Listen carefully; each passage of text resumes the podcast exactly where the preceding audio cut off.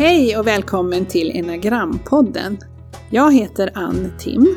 Och jag heter Tina Tornell. Den här podden kommer utforska en utvecklingsmodell som heter Enneagrammet. Modellen bygger på nio grundläggande livsstrategier. Och när vi säger strategi så menar vi ett vanemässigt sätt att tänka, känna och agera. Och att alla människor har en av de här nio som är starkare, mer dominant.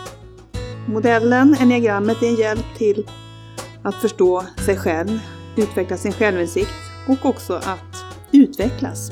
Och inte minst att även förstå andra människor. Så tanken med podden, det är att vi vill sprida den här kunskapen som enagrammet ger, så att fler människor får ökad självinsikt. Och vi vill sprida på det sättet att vi kommer intervjua människor som har de här olika strategierna. Vi kommer intervjua kunder och ta upp lite andra ämnen som hör ihop med enagrammet. Så eh, välkommen att hänga med!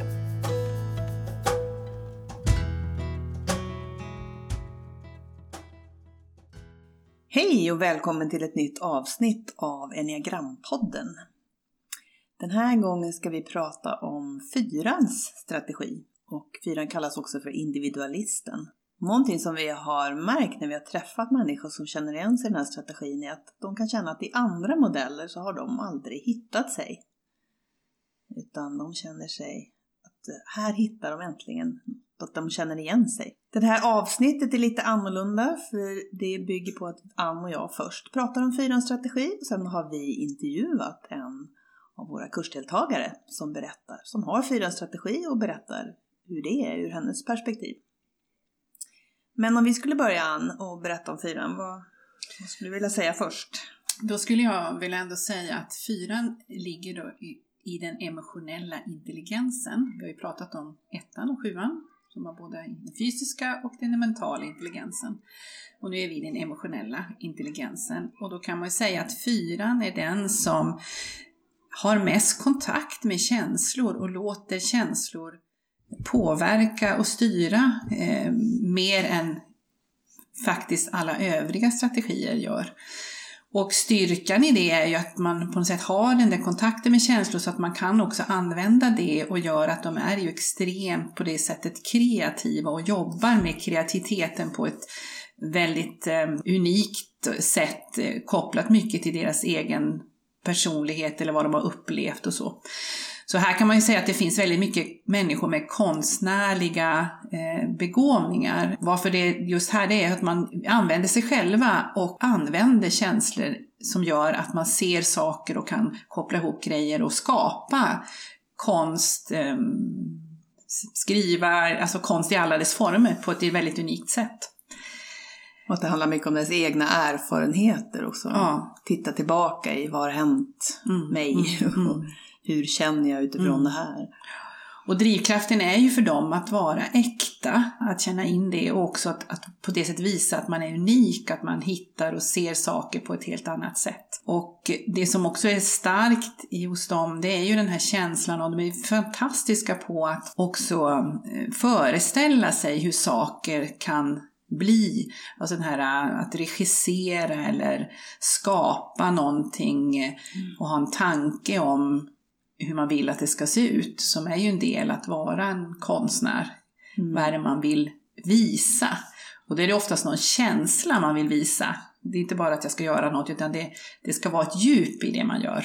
Just det. Eller en stämning eller... Och det behöver inte bara vara konstnärer. Både du och jag har ju vänner med den här strategin som har haft fantastiska 50-årsfester där man också just har mm. skapat en stämning och känsla och först, vi har förts tillbaka i tiden. Ja, ja. För du hade väl någon som skapade en 1700-talsmiljö? Ja, absolut. Och det var på ett 1700-talsslott och vi hade mm. alla 1700-talskläder på mm. oss och det var verkligen, ja, det var som att kastas tillbaka i tiden. Mm. Och jag hade tror jag en, en som skapade en fest, det var 63, alltså precis hur det var 63. Hur var det när jag föddes? Och då vill man ha en miljö där man kunde som säga, ah nu har jag skapat, så här var det när min mamma födde mig. Mm. Och det är den där förmågan att, som, att regissera, tänka sig in och så, mm. som um, är lite speciellt just för fyror. Sen brukar man säga att eh, sociala sammanhang så kan de känna sig som att de är lite speciella och lite annorlunda. Både som en önskan att vara annorlunda och sticka ut och att vara äkta.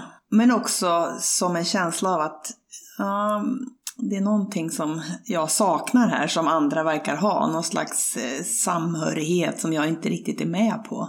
Mm. Och likadant som att man kan också tycka att jag har någonting som är unikt som inte andra har. Så mycket för dem handlar ju då, det behovet som de har, det är att hitta vem är jag? Att hitta min egen mm. identitet. Och eh, Eh, precis som Tina sa, värdet som jag har som inte andra har. Och ett otroligt sökande. Så man kan säga att i den här strategin så finns det en otrolig längtan eh, till att hitta det, eller ett sökande som gör att man brukar säga att de är väldigt öppna för lite annorlunda saker, man är öppen för lite, lite det mystiska i livet, man är inte rädd för att som, känna in eller se saker från ett annat håll och det har väl mer med den här kreativa sidan att göra. Det finns ju massa bilder på hur man brukar beskriva fyror. Så tänker man, man tar de här pärldykarna som dyker efter pärlor. De, de, går ju djupt ner i dyn, i leran i, och så dyker efter det och fångar den här eh, snäcka med de här pärlorna och så kommer de upp med någonting väldigt speciellt. Och man brukar säga det är lite, lite de, de är inte rädda för att gå ner i det som är lite mörkt och djupt och eh, svåra, skitigt, och svåra ja, känslor. Och... För någonstans är det där som det verkliga alla känslor ska finnas med och kanske framförallt de här lite djupa, för där finns guldet på något sätt. Mm. Och som små kan de vara de här som är intresserade av lite, även där, lite livet och döden och hur det hänger ihop och meningen och kan ställa ganska svåra filosofiska frågor till sina föräldrar. Mm. Och någonstans kanske man också omedvetet känt att, eh, att, vara för, att vara för glad eller för välanpassad, det känns inte intressant. Mm. Utan man vill vara liksom lite annorlunda, speciell även där. Mm. Sen brukar man säga att man har väldigt stark fantasi och att fantasin ofta handlar om att liksom både saker som man har upplevt men också att förstärka det med sina känslor av det man upplevde. Så de kan också ha en tendens att hamna mycket i att, att fantisera. Och både positiva saker men också jobbiga grejer. Att le, leva igenom saker om och om igen. Och utomstående kan nog kanske tycka att de fastnar lite Mm. Mm. Jag tänkte tillbaka till det här att de också upplever sig att de, inte, att de är lite annorlunda. Mm. Jag tror att det har lite med våran, ja, hur vi har vuxit upp och att vi inte är så tränade i att hantera känslor. Svensk kultur? Nej. nej, utan det är som att eh, du ska inte gråta och vara inte så ledsen. Och, så att eh, på det sättet tror jag att också att man har den här tillgången till känslor så har man också, tror jag, ganska tidigt också känt att det är inte okej okay att vara för ledsen eller att använda sina känslor därför man har blivit redan sån. Mm. Nej, men jag hoppas att det är annorlunda idag, de som får barn idag, att det är mer tillåtet. Men jag tror Tina och jag, när vi växte mm. upp så var det mycket, och våra generationer innan, som gör att det förstärker också det här att det är någonting fel på mig. Att jag är för annorlunda, jag får inte använda känslor. Känslor är någonting, mm. någonting fult eller någonting man ska hålla i schack och så. Just det. Man blir tillsagd att du är så känslig. Ja, ja så mm. jag tror att det också påverkar den här, eh, ja, mm, gjort det extra knepigt för, för dem som har den här strategin. Mm. Så några typiska styrkor som personer med fyrans strategi har så är det ju det här med kreativiteten och att verkligen kunna göra någonting riktigt annorlunda och, och se utanför boxen. Vi brukar, ett exempel som vi tycker är mycket fyra, fyrigt mm. är det här med nycirkus och Cirkus i kör till exempel. Där man gör helt fantastiska föreställningar med väldigt speciella teman. Det är oftast kopplat till någonting eh, samhällsämne. Om stickning till exempel, kvinnors handarbete eller flyktingar. Alltså man har ett, ett det, viktigt patos på något sätt. Mm. Och sen också föreställningarna som är så otroligt fantasifulla. Och hela nycirkusbegreppet tycker jag är, ja, men det, det är väldigt sådär, fantastiskt. Mm. Så man inte kan ens föreställa sig vildaste fantasi att man kan göra sådana saker. Mm. En annan styrka som är väl, väl att verkligen lyfta det är ju den här otroliga förmågan till att kunna känna med andra människor. Att man Mm. inte är rädd för svåra, djupa känslor och kan verkligen vara otroligt medkännande. Ett exempel på det tycker jag, som vi brukar ha med, det är Lars Lerin som vi tror har det. Mm. Och när man ser honom bemöta människor som inte är som alla andra, som samhället kanske inte har på något sätt inte räknar med. Och så är hans sätt att bara bemöta dem, Mm. hur han lyfter dem och man, man blir bara så äh, man blir bara så, alltså det, är- det är så Glad. gott och man blir så glad. Ja. Det är någonting som bara känner så, så viktigt, så, så duktig på att bara med sitt sätt eh, vara intresserad av människan på, med alla dess sidor. Mm. Och komplexitet. Komplexitet Mm. och så. Va? Så där tycker jag är ett otroligt bra exempel på eh, den här mm, känsligheten som gör att man kan möta och människor känner sig sedd. Ja, verkligen. Och sen också det här att fyror hjälper oss att påminna oss om det som har varit. Att inte släppa svåra händelser som man har gått igenom. Jag tänker på Jonas Gardell som exempel som verkligen i sina böcker har lyft historien. Både sin egen historia om hur det var i Sverige på 70-talet och de begränsningar som fanns i samhället och mellan människor då. Men sen också det här med, med aids och hur vi behandlade det på 80-talet när det kom. Och man vill liksom inte släppa, vänta det här får vi inte bara gå ifrån utan vi måste lära oss av historien. Och det tycker jag också firar. Och Ingmar Bergman är också ett annat exempel, en person som lyfte sin historia och sina föräldrars historia och titta bakåt. Vad kan vi lära oss av att se bakåt? Så att vi inte gör samma misstag framåt kanske också. Vi brukar ha med också det ordet orädd, att när det är något som man tror på så är man inte så rädd för att gå den vägen. Man går sin egen väg, man vågar prova, man vågar ifrågasätta. Man är stark i det. Och det är väl det som kanske krävs också för att i många av de konstnärliga yrkena så är det ju ingen annan som har gjort det du ska göra och då måste du verkligen ha en tro på att det här är så starkt, det här ska jag verkligen genomföra.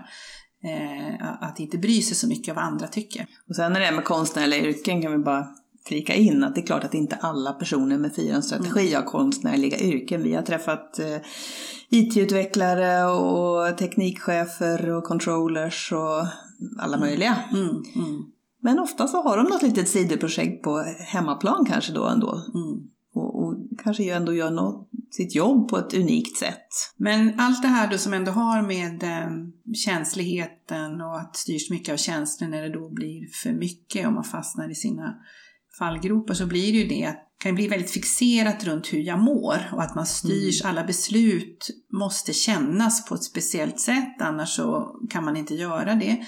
Så att det blir så känslostyrt. Och att det som handlar om mitt liv, även om styrkan är att man kan gå bakåt och man kan, som vi sa med Ingmar Bergman och så, så kan det bli att man kan fastna i det. I sin historia. Sin historia Mm, mm. Och, och, och kommer riktigt, kanske inte riktigt vidare och omedvetet med andra människor så kanske man tar väldigt mycket syre i ett rum. Bara för att det handlar, mitt liv, jag är den som är mer olycksdrabbad och ni förstår inte hur jag har det så att man ja, letar för mycket inåt eller vad man ska säga. Mm.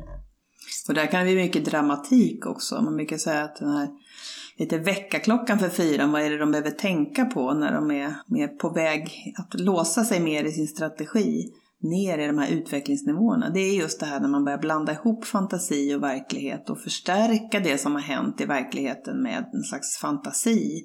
Tolkar själv kanske in då att nu är jag utanför eller den här personen tycker inte om mig eller varför tittar den där konstigt på mig och så gör man en egen historia i huvudet Mm. och så kanske blandar ihop med tidigare gånger när man har känt likadant och så blir det någonting stort och mycket större och den andra personen kanske inte alls fanns någon avsikt att personen skulle känna sig utanför eller överdramatiserar. Mm.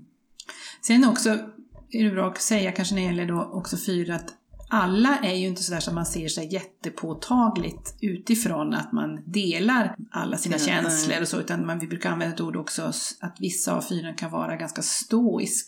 Att man härbärgerar och håller det inom sig. Det är något som finns där men det är inte som andra ser utan man kan vara ganska lite lätt glad och så lättsam på utsidan. Bara så att man förstår att det finns en variation också inom fyran men det som finns på insidan handlar ändå mycket om eh, jämförelse med andra, hur ser andra mig, vem är jag? Alltså en fråga som man ofta hör och de säger det, alltså det är ingen som förstår mig. Nej, det är väl en ganska typisk citat eller, eller som människor säger som har fyran. Mm. Att eh, ingen riktigt förstår mig. Och så den här avunden som kan finnas då mot andra människor som verkar ha det så lätt. Mm. Att man själv kan tycka att man känner sig extra olycksdrabbad. Mm. Och också en tendens att överdriva andra människors välmående på bekostnad av sin egen olycka på något sätt. Att man sätter andra lite på piedestal. Åh, det verkar vara så enkelt för er och ni har det så bra och det är så lätt här. Och för att just skapa sin egen känsla av olycka och, och den här liksom avunden. Mm. Som ju också blir en fantasi om någonting som kanske inte alls stämmer med verkligheten. Som vi sa i början där att, att de här tunga känslorna, det melankoliska tillståndet lite mera eh, det riktiga livet än att vara glad. Så det är klart att då blir det också ett fokus på det. Vi har ju med Nalle Puhs figurer i de här strategierna och här har vi Io då som har mycket funderingar och det är lite tungt och så i livet. En annan sak med det här dramatiska draget hos dem, det är ju att vi andra runt omkring kan ju dras in i den där dramatiken. Och ofta för fyran så är det väldigt övergående. Så att en känsla av att nu ska jag, vet jag det kan vara, säga upp mig och flytta och allt möjligt som de kan vara inne i, de inne i någon djup känsla, kan nästa vecka vara helt borta. Eller om två timmar kanske också. Så det kan vara svårt att hänga med i de där upp och nergångarna som, som eh, vän eller familjemedlem eller jag tänkte också tillbaka som ändå är en styrka, vi pratar ju om att de kan fastna i det här melankoliska och det är tungsint och så. Så är det ändå en styrka som är när man går igenom tuffa perioder, sorg, eh, någon dör eller någonting så, så är det det att de tar tag i det och mm. låter sorgen ha sin process. Mm. Så det är ju verkligen viktigt, det är mycket i vårt samhälle är att vi, vi ska snabbt bara vidare. Här tar man tid att verkligen vara kvar och eh, se till att verkligen gå igenom det jobbiga och inte stressa på. Man är inte rädd för den känslan. Nej. Och är fantastiskt på att vara med andra ja. då som också är, för vi, här har vi ju sett att människor som jobbar som terapeuter eller i palliativ ja, vård, ja, ja. finns ju en del av fyrans strategi där. Jag tror vi var på någon, på någon uh, jobba med någon uh, gymnasieskola som jobbar med flyktingar och där vi var det. faktiskt flera som hade fyrans strategi. Och det som var intressanta var att de hade ju inte själva varit i en sån här flyktingsituation, men eleverna uppfattade dem som otroligt medkännande och att de förstod hur de hade haft det. Mm. Just för att de hade en förmåga att lyssna in, den empatiska, vara med dem i det svåra, så de kände sig bekräftade. Ja, och när man tittar på de här strategierna så kan man också se att varje strategi har influenser av de strategierna som ligger på sidorna. Och det har vi nämnt tidigare, att man kallar det för flyglar. Och för fyran så finns det en flygel till trean och en flygel till femman. Och många människor känner att de ligger liksom lite åt ena eller andra hållet, att de känner igen sig lite mer i den ena eller den andra. Så för fyran blir det då man kan ha fyra med treans flygel eller fyra med femmans flygel. Och en del kan känna att nej, men det är liksom mest fyra, de där flyglarna är ungefär lik likvärdiga. Men till exempel den som har fyra med tre-flygel har ju då också influenser av trean som är presteraren och där man strävar efter att lyckas. Och den jag kallas för aristokraten. Här har vi en fyra som är mer utåtriktad och gärna vill synas och höras och kanske stå på scen eller ja, uttrycker sig på ett sätt där andra finns med. Och att man också är noga med att lyckas och mycket mer utåtriktad och mycket mer energi ehm, hörs och syns och mycket mer extrovert egentligen. Medan fyran med femma flyger brukar man kalla bohemen. Så där har man ju någon som också dras lite mer åt det mentala, tankar, fantasier. Här tror jag man kan hitta en hel del författare av, som använder sin fantasi, kanske fantasy eller ja, historiska romaner eller man är lite mer eh, tillbakadragen. Och kanske odlar sina intressen lite mer i det tysta. Så inte alls så utåtriktad. Lugnare energi överhuvudtaget.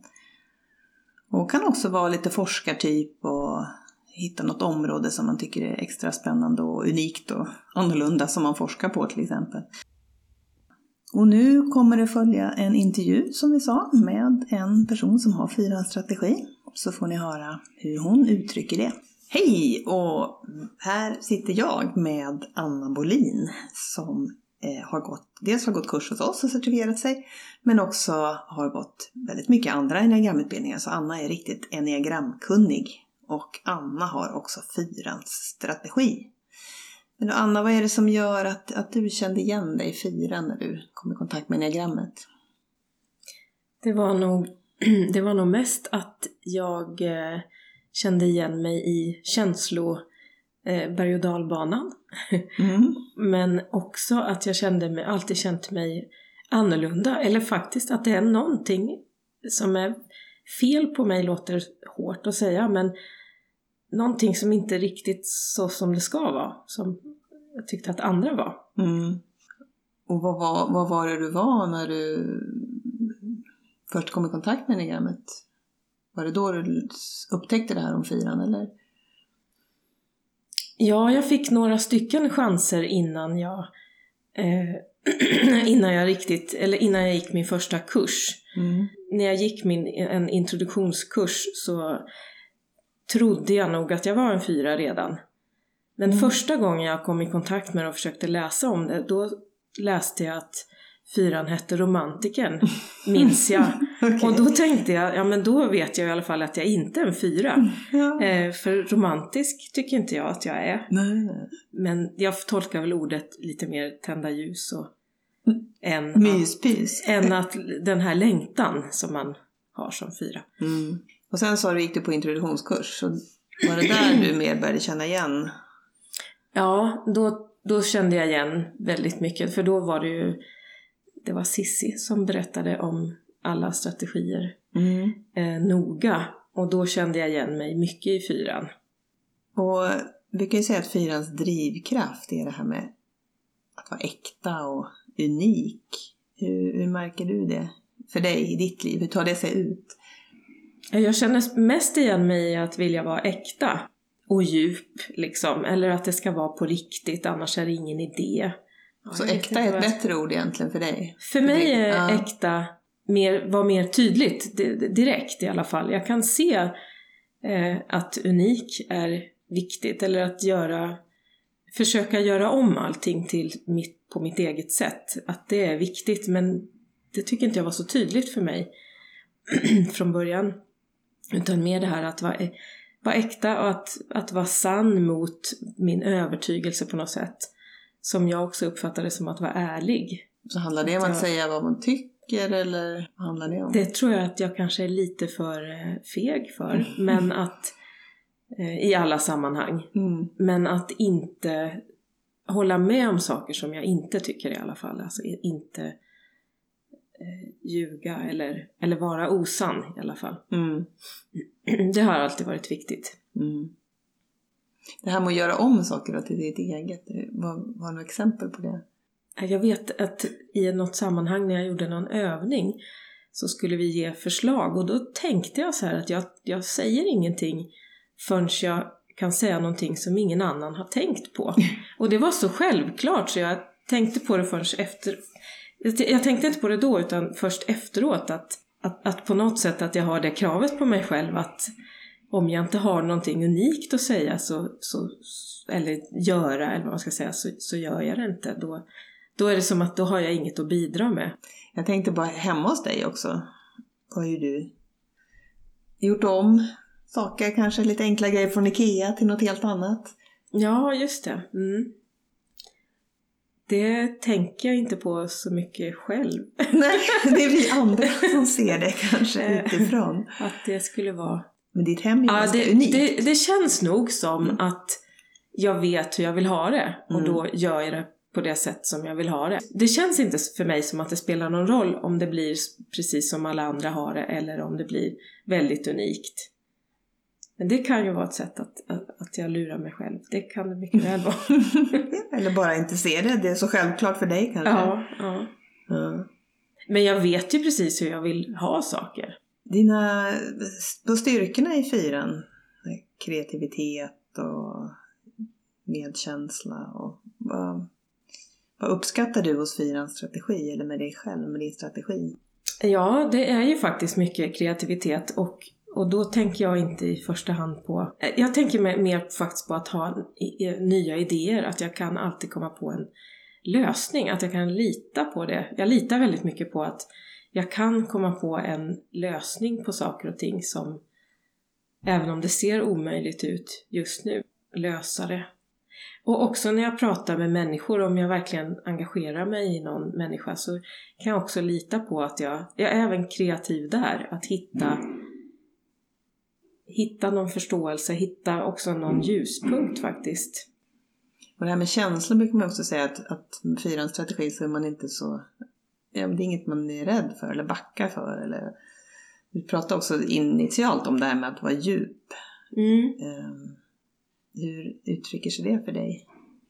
Jo, så länge inte någon är arg på mig eller ledsen på mig, så länge det inte beror på mig själv så tycker jag inte alls att några känslor är obehagliga. Jag tycker det är naturligt. Ja. känslor är naturligt. Ja. Händer det att du hamnar i situationer där det är mycket känslor? Jo, men jag tycker att jag är bra på att bekräfta andra människors känslor och också att säga till exempel, ja men det är, det är okej okay att känna vad som helst. Ja men bekräfta det, att jag förstår att du är arg på det här. För jag kan också, jag förstår ofta ja. att varför man blir ledsen eller arg eller upprörd över saker och ting. Mm. Så så vilken plats har känslor i ditt liv? Lite för stor kanske. de kommer ju alltid först. Alltså jag måste alltid hantera dem först. Mm. För, för inom mig själv. Sen tycker jag att jag kan att jag är ganska bra på att släppa och gå vidare. Mm. Men jag kan inte bara trycka undan känslor. Eh, utan, ja, de måste behandlas på något sätt. Mm. Men jag tycker att jag, att jag är ganska bra på att göra det ganska snabbt. Ja, ibland kan jag vara otålig också eh, med känslor. Jag har svårt att förstå att andra människor inte vill ta itu med känslomässiga saker direkt som jag vill. Jag vill reda upp det på en gång så att jag kan gå vidare. Och det tycker jag kan vara svårt att förstå att ha tålamod med att andra människor behöver mycket längre tid. Dels att veta ens vad de känner och också att prata om det eller att ja, ta itu med det på något sätt. Mm. Mm. Så skulle du säga att du, du vet vad du känner? Ja, det är väldigt ovanligt. Jag blir väldigt förvånad för det händer ibland att jag inte vet vad jag känner. eller kanske inte vet varför jag känner saker. Mm. Och då blir jag förvirrad. Det, det tycker jag det känns ovant och konstigt att inte veta vad jag känner. Och till och med att inte veta varför jag känner saker. Mm. Är det alltid så att du har liksom någon slags kontakt med vilken känsla har jag nu i den här stunden? Nej, Eller det måste tycker du checka jag inte. in liksom? Och sen, jag tycker ja. att det är ganska skönt att inte känna något särskilt. Ja. att vara lite fri från de där känslorna. Ja. Jag tycker att det har ställt till väldigt mycket problem för mig. Negativa känslor. Det är klart att när jag känner mig glad eller uppåt eller entusiastisk så, så känns ju det som en stor tillgång. För mm. det märker jag att, att många eh, vuxna inte riktigt har längre. Nej. Att har tappat det. Och det känner mig jätteglad att jag fortfarande kan bli väldigt eh, eh, glad eller intresserad eller entusiastisk över saker. Mm. Ja, det är väl det att man på något sätt har mer tillgång som firar till hela känslospektrat, tänker jag högt. Men just att vi har svårt för jobbiga känslor. Många av oss så har vi också stängt av förmågan till de mest positiva känslorna Absolut, också. det man, tror jag man faktiskt. rör sig i någon slags mellanregister mest hela Ja, tiden. och då blir det inte så mycket vare sig uppåt eller neråt Nej. i känslorna. Nej. Men jag tycker att mina känslor har eh, varit till besvär. Och också att jag skämts över att jag känner mycket och försökt dölja. Mm. Att jag blir ledsen eller arg till exempel för andra människor. Mm. Att jag har försökt dölja det. Mm. För jag har känt att det här är för mycket liksom. Det är oproportionerligt. Och att jag inte vill belasta andra människor med, med de starka känslorna. Och också därför att när man om man gör det ibland så ångrar man sig efteråt för det där klingar ju av rätt snabbt. Just det. Känslan går över. Känslan går över. Och har man agerat på den så kan man få ångra det. Så det tycker jag har lärt mig med tiden att även när jag är i en väldigt stark känsla att komma ihåg nu för tiden att det här kommer inte kännas så här stort och viktigt om ett litet tag bara. Troligtvis. Och om det gör det, då kan jag i så fall ta itu med det Mm. på ett annat sätt. Vi var ju lite på fyrans styrkor. Är det något annat sånt där som du känner som det här, det här gillar jag verkligen med att, att jag har fyrans strategi? Prata om känslor och medkänsla, kreativitet. Jo, men att kunna hitta på en framtid som, eller att se en lösning i framtiden på vad jag än råkar ut för, som jag kan vara nöjd med. Som är en, en styrka. Mm. Absolut, Mm. det tycker jag. Mm. Att jag inte ger upp. Mm. Att jag inte Ja, säger, nej men det. här, kan, det här går nog inte. Nej, för det brukar vi ju säga om fyrans strategi. Även när det är som mörkast, att man inte ger upp då heller. Nej, jag är jättebra på att klättra upp ur Ja, mörkret. ur gropen. Precis. Jag tänker jag osökt på Torsten Flink och hans eh, Melodifestivallåt när jag reser mig igen. Just Jag det, känner- ja. Man kan ju tänka att han kanske har fyrans strategi. Det var väldigt så i alla fall Ja, symboliskt det, för det. det tycker jag, det håller jag med om. Ja, så vad är det för andra utmaningar? Vi har pratat om känslor, men vad är det andra, annat du känner med fyrans strategi som är jobbiga utmaningar när du hamnar mer i det? Mm, det är att, eh, att jag känner mig så lätt utanför i olika sammanhang.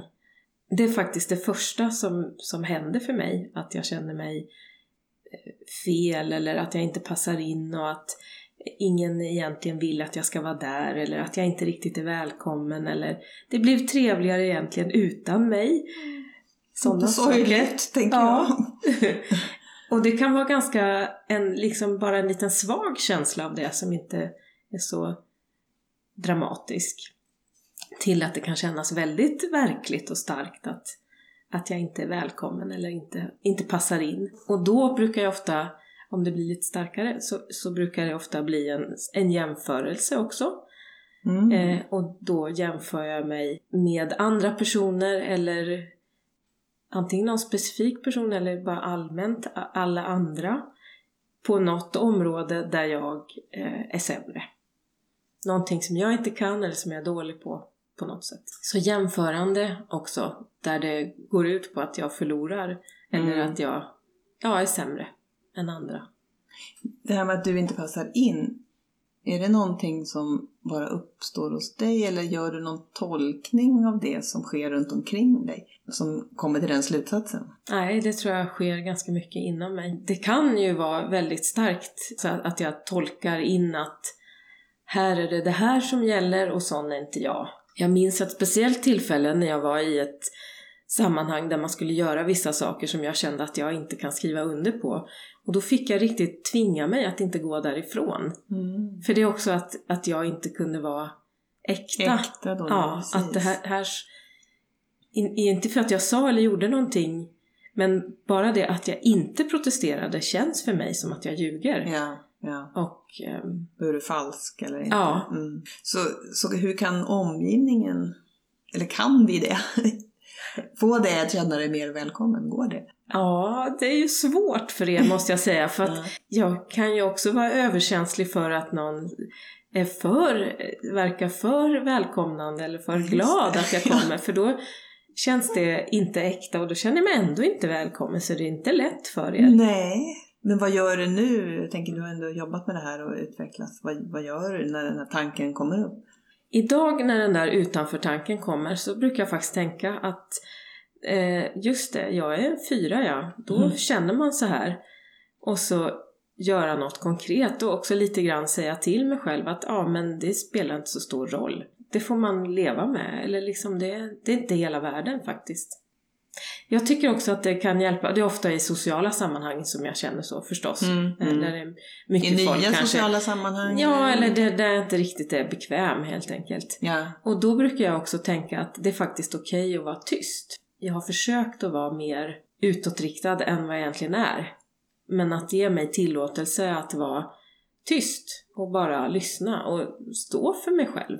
För det kan ju också vara att, att jag skäms då om jag inte har någon att prata med eller och att tänka att ja men jag, jag kan faktiskt stå själv, det är inte hela världen. Och alla andra människor bryr sig mest om sig själva. De står inte Absolut. och tittar vad jag gör. Nej, nej. Och det tycker jag är jätteskönt. Är det den där självmedvetenheten Ja. som man pratar om Ja, den är ju, det är en stor utmaning, det är jättetråkigt. Berätta mer om den. Jag tror jag sagt det till dig någon annan gång, att det är svårt att glömma bort att det är svårt att glömma bort sig själv. Mm. Och det är jätteskönt egentligen att engagera mig i någon annan. För då är inte jag fokus för mig, Mm. utan då är det någon annan. Och då tänker jag inte på alla möjliga saker som jag tycker är pinsamma med mig själv annars. Hur jag står, att jag står töntigt eller att jag har fel kläder på mig eller att jag säger konstiga saker eller har, inte uttrycker mig bra. Ja, Men allt möjligt som jag håller på att kritisera mig själv för Mm. i vanliga fall. Om jag kan engagera mig i, i någon annan, då glömmer jag allting sånt som har med mig att göra. Det är jätteskönt. Så. Så det finns en ganska stark inre kritiker Mm, absolut. också. Mm. Jättestark. I den här självmedvetenheten. Ja. Allt ska korrigeras på något sätt. Och till och med kan jag kritisera då att jag, att jag är, eh, känner mig generad eller att jag är kritisk. Ja, just det. Man kan aldrig vinna. Nej, man kan aldrig, aldrig slippa det där. Nej. Om man säger i relation till andra. Någonting som är viktigt för mig, Ja. som jag tänker på, det är det här att bli förstådd. Ja. Eh, och det tycker jag ibland misstolkas som att jag vill att den andra ska tycka som jag. Mm. Eh, och det behöver jag inte. Nej, Eller det behöver, det. det. behöver ni inte göra. Nej. Men däremot behöver ni förstå precis vad jag menar. Ganska, lite väl höga krav förstår jag ju. Men Ja. det är viktigt att bli förstådd. Just det. Så det tycker jag är ett, ett tips som jag har till andra som pratar med fyror att, att säga att Jaha, menar du så här? Ja. Och då kommer vi säkert att säga Nja, lite mer så här. Men till slut kommer man till en punkt där, där man är förstådd Ja. och då, då är jag nöjd. Mm. Ja, det är intressant. Det kan ju vara helt annorlunda för en del andra av oss som Mm. tror att vi ska ha någon slags konsensus Ja, om saker och ting. precis. Ja. Nej, det behöver vi inte. Och det, det dämpar också känslor. Alltså om någon säger att eller om jag får förklara varför jag blev ledsen för någonting och den säger Jaha, ja men då förstår jag. Jag hade inte blivit ledsen för det, men jag förstår varför du blev ledsen för det. Mm. Eller arg på det, eller vad det nu är. Mm. Eh, då är jag nöjd. Mm. Då är det lugnt liksom. Just det. Det är nog kontakt faktiskt, Mm. som är grejen där. Just det. Då har vi fått kontakt. Jag vill ju jättegärna förstå andra också förstås. Det, är ju, det tycker jag också är frustrerande. Ja, när, hur går det då? när, när jag inte riktigt förstår. Kanske den andra inte vill förklara så att jag förstår. Eh, Det är svårt för mig. Mm, mm. Eller kanske Eh, inte själv har orden. eller inte har en orden, inte kan oss. förklara. Med andra strategier kan ju ha svårt att förklara med ord också. Och, och framförallt känslor. Mm. Om man Mm. inte är lika duktig på det. Är det käns din känsla du vill att andra ska förstå? Nej, det kan vara åsikter också. Ja. Och det är det jag vill förstå från Mm, för mm. an, hos andra också. Mm, mm. Så där låter det Eller som... ett- vilja, vad, Nej, vad du vill. Varför vill du det här? Vad, vad är det som är viktigt? Ja. Det är allting egentligen. Mm. Och då är det helt okej att ha olika Ja, åsikter eller viljor absolut. eller känslor. Absolut. Bara man vet vilka Det de kan är. jag tycka är lite fascinerande. Mm. beror lite på vad det är kanske. Men ibland tycker jag det är, ja, det är fascinerande att, att människor är helt annorlunda än jag. Ja. Jag var inne på temat andra människor. Vad, vad kan störa dig hos andra? Eller vad kan du känna, vad krockar du med? När någon vill bestämma över mig krockar jag med. Ja, både när det går för långsamt och när det går för fort för andra människor. Ja, Jag vet inte om det är typiskt. det är något tempo som Ja. passar dig bättre. Eller när man går på för hårt också. Mm. Och för okänsligt. Tycker jag att jag kan bli rädd för människor. Faktiskt. Som är för okänsliga eller? Ja, eller som är för tvärsäkra eller för ta för givet någonting eller Vad händer när du blir rädd då? då, då går jag med på saker som jag inte vill.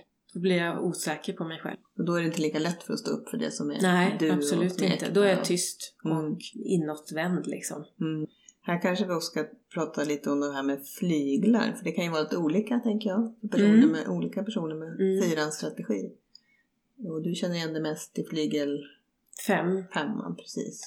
Som också är lite mera lugn och... Jag känner inte igen mig egentligen i att jag är lugn men Nej men i det här, jag tänker lite in, Jag är ganska- tillbakadragen att- kan vara lite... ja, jag tycker att det är ganska olika eh, hur jag är med dem jag känner väl, eller helt enkelt Mm. min familj. Jag tänker på pilarna i enneagrammet. Om vi börjar med pilen från ettan. Som Mm. ju är din stödpil. Hur, hur tar sig det ut för dig? Eh, jag tycker att jag kom på när jag var ganska liten, för jag inte hade en aning om enneagram, att det hjälpte att göra saker för mig. Eh, ett sätt att komma eh, ur mina känslor. Att göra mycket, så jag har alltid gjort faktiskt väldigt mycket saker. Eh, och gärna konkreta saker som, är, som går att se. Att till Mm. exempel att diska eller att sy eller någonting som man kan se. Det här har jag gjort. Det här har hänt. Och då kommer du ur känslan. Mm. Mm. Mm. Mm. Så det är en quick fix Ja. sådär för känslor. Gå ner och diska Ja. bara. Just det. Så, och så blir det ordning och struktur. Jag älskar också ordning och struktur. Och jag mår jättebra av det också. Och det tycker jag också att jag upptäckte när jag var ganska liten. Mm. Att ha ordning på saker och ting, då, då blir det liksom ordning på känslorna också. Det är intressant. Hade du ordning i ditt rum och så? När du bodde Nej, när jag var liten hade jag inte det. Nej. Ganska rörigt. Ja. När kom ordningen in? Det kom... Eller jag kunde ha det i, i små områden, hade jag nog det. Mm. Men jag, jag kan eh, fortfarande strö saker omkring mig. Jag tycker det är ganska härligt att, att liksom om det är riktigt stökigt och sen att få struktur och ordning på saker. Och att allting har sin egen plats. Ja men det kom jag på ganska tidigt Mm. att det var en trevlig grej. Att var saker bor någonstans. Ah. Sen om de kanske inte ligger där just nu. Det... Ja, men kanske framförallt när jag fick barn, vilket jag fick tidigt, så, Mm. så kom det här fram att, att göra saker i en viss ordning och ha listor på saker Mm. som jag ska göra. Det har jag alltid haft. Ja. Eh, och eh, att det känns skönt att bocka av. Och nu har jag gjort klart det här. Nu har jag varit duktig. Ja, Också ju- någon slags rättvisa. Att, att saker ska gå till på rätt sätt. Och, så. och i ordning. Först nummer ett och sen nummer två och sen nummer tre. Så metodik och struktur och... Mm. Mm. Och tydlighet tycker jag om också. Ja. Mm. Det vill jag ha. Jag märker det att jag vill... När jag vill lära mig saker så vill jag att det ska vara väldigt tydligt. Och strukturerat, klart och tydligt. Ja. Hellre tråkigt och Tråkigt och ordentligt. tydligt. Tråkigt och tydligt än spännande och rörigt. Ja. Om vi tittar på den andra pilen då, till, till tvåan. Som är mer, man kan uttrycka under stress. Hur, hur yttrar det sig för dig? Jag tycker att det framförallt yttrar sig genom att jag då eh, börjar tycka att andra är viktigare än jag. Mm. Eh, att det är viktigare att eh, någon annan får gå före eller ta min plats eller att de får det jag vill ha. Att jag backar Ja. och ger bort saker som jag egentligen inte vill ge bort. Att jag är snäll liksom. ja. Snäll och trevlig, inte ställer massa krav. Medgörlig. Medgörlig. Mm. Mm. Och att det blir viktigt också vad andra tycker om mig förstås. Just det. Och också att jag ska, att jag vill eh, verka som en snäll, snäll flicka. För att bli omtyckt mer då. Det känns faktiskt mer som att för att inte bli illa omtyckt. Ah. Kan det komma av den här känslan av att du inte passar in i något sammanhang? Ja, att det det kan det göra. det? Att det kan... Att jag försöker vara väldigt snäll då. Mm. Ja. Och hur går det mot din känsla av att vara äkta? Ja, jag vet inte riktigt. Jag, jag bara tycker inte om att känna mig så. Jag känner mig väldigt underlägsen Mm. också Mm. då. Och jag blir ledsen över också att, att jag inte får tillräcklig plats eller att jag inte får utrymme att vara jag. Det låter som att det är lite motsägelsefullt. Ja, det blir det. Det blir ja, det. blir, Ja. Och det kanske blir för alla i allas pilar. Ja. Om man tänker efter att man går ju liksom emot något som är fundamentalt för en, viktigt för en själv i Ja. sin egen strategi. Jo, men det förstärker nog också känslan att det är någonting fel på mig. Mm. Att så som jag är, så kan man inte vara. Utan man, man måste egentligen vara... Man måste vara snäll och eh, göra som alla andra vill. Och, och också det här att ställa upp, liksom att göra eh, tjänster på något sätt. Eller göra saker som andra vinner på på något sätt. Eller som är bra för andra eller hjälper andra. Blir det viktigare då? Eller det... Det känns som att jag är tvungen att göra det. Mm. Ja. Offra dig lite. Självuppoffrande. Självuppoffrande, tack! Ja. Det blir det. ja. Ja, man brukar också säga att avund är en speciell känsla som kan finnas lite mer hos fyran än andra. Hur, hur relaterar du till avund? Nu för tiden så ser jag den. Jag gjorde inte det. Det tog väldigt lång tid för mig att se den. För att jag är nog ganska snabb med att göra om saker så jag inte behöver bli avundsjuk. Såg du den inte i början när du Nej, titta på enneagrammet heller? Absolut Nej. inte. Då tyckte jag att eh, flera utav de här andra dödssynderna Mm. kunde jag skriva under på utan vidare. Ja. Men inte avunden. Det är sällan jag är avundsjuk länge. Eller känner avunden länge. Mm. För jag har löst det där genom att mota den så fort den kommer. Men den kommer ju ofta. Det är bara det att jag snabbt som ögat gör om den till någonting. Men någonting som jag är ständigt avundsjuk på, det är ju smala människor. Mhm. Okej. Där har jag liksom, eh, eller det här som fyran, att andra har något som jag inte har. Mm. Som är någon slags ouppnåelig dröm också. Eh, och ett, också ett sätt att jämföra sig och det är det, det är det enda sättet som gills att jämföra sig på. Allt annat spelar liksom inte så stor roll. Ja, det. Finns ju också andra saker som såklart som jag kan bli avundsjuk på. Och nu har jag kommit på att jag, att jag tänker att det som, det som jag ska ha, det kommer till mig någon gång Ja. eh, på ett annat sätt. Man pratar ju också om, om fyrans längtan. Vad längtar du efter? Mm, jag vet inte riktigt. Jag längtar nog efter något väldigt diffust. Någon, någon hemlighet, någon, eh, någonting spännande som inte riktigt går att ta på. Som fi- kanske finns i någon dröm. Att, att få syn på något mystiskt eller magiskt på något vis. Mm. Tror jag att jag längtar efter. Och samtidigt vill jag ju inte det för då skulle det där försvinna. Jag vet att det finns något Just det. Ehm, som är väldigt fint på Ja. något vis. Och det bygger ju på att man aldrig riktigt kommer dit. Nej men det är på något sätt regnbågens slut. Men för har man Och avslöjat att, så, det? att få en skymt av det lite då och då, vilket jag får tycker jag. Just det, för om man avslöjar det då har du har du tappat magin. Ja, liksom, ja, du absolut. kommit. Det bygger på att det är lite fördolt Mm, på mm. Att man inte riktigt vet vad det är. Ja, just det. Men vi kan ju också prata om det här med meningsfullhet. Att det är viktigt. Mm. Det är viktigt. Eh, Det är svårt med eh, att eh, jag har svårt att engagera mig i saker som inte känns meningsfulla. Mm. Och också ehm, jag kan tycka också att jag är lite på och av med engagemang. Om det inte känns helt 100% så är jag ointresserad. Men å andra sidan kan jag vara lite väl ivrig och intresserad eller engagerad i saker som känns meningsfulla. Jag kan tycka att jag, inte bara känslorna som är liksom starka utan också engagemang och fokus. Ja, nej men jag vet inte vad jag ska säga. Kan det bli för mycket av det, tyck, tycker du då? Eller? Ja, att det är så på och av, att det inte kan vara lite, Mm. lite lagom sådär tugga på lite kunde varit bra, tycker jag. Ett lagom engagemang. På vissa saker. Ja. I alla fall.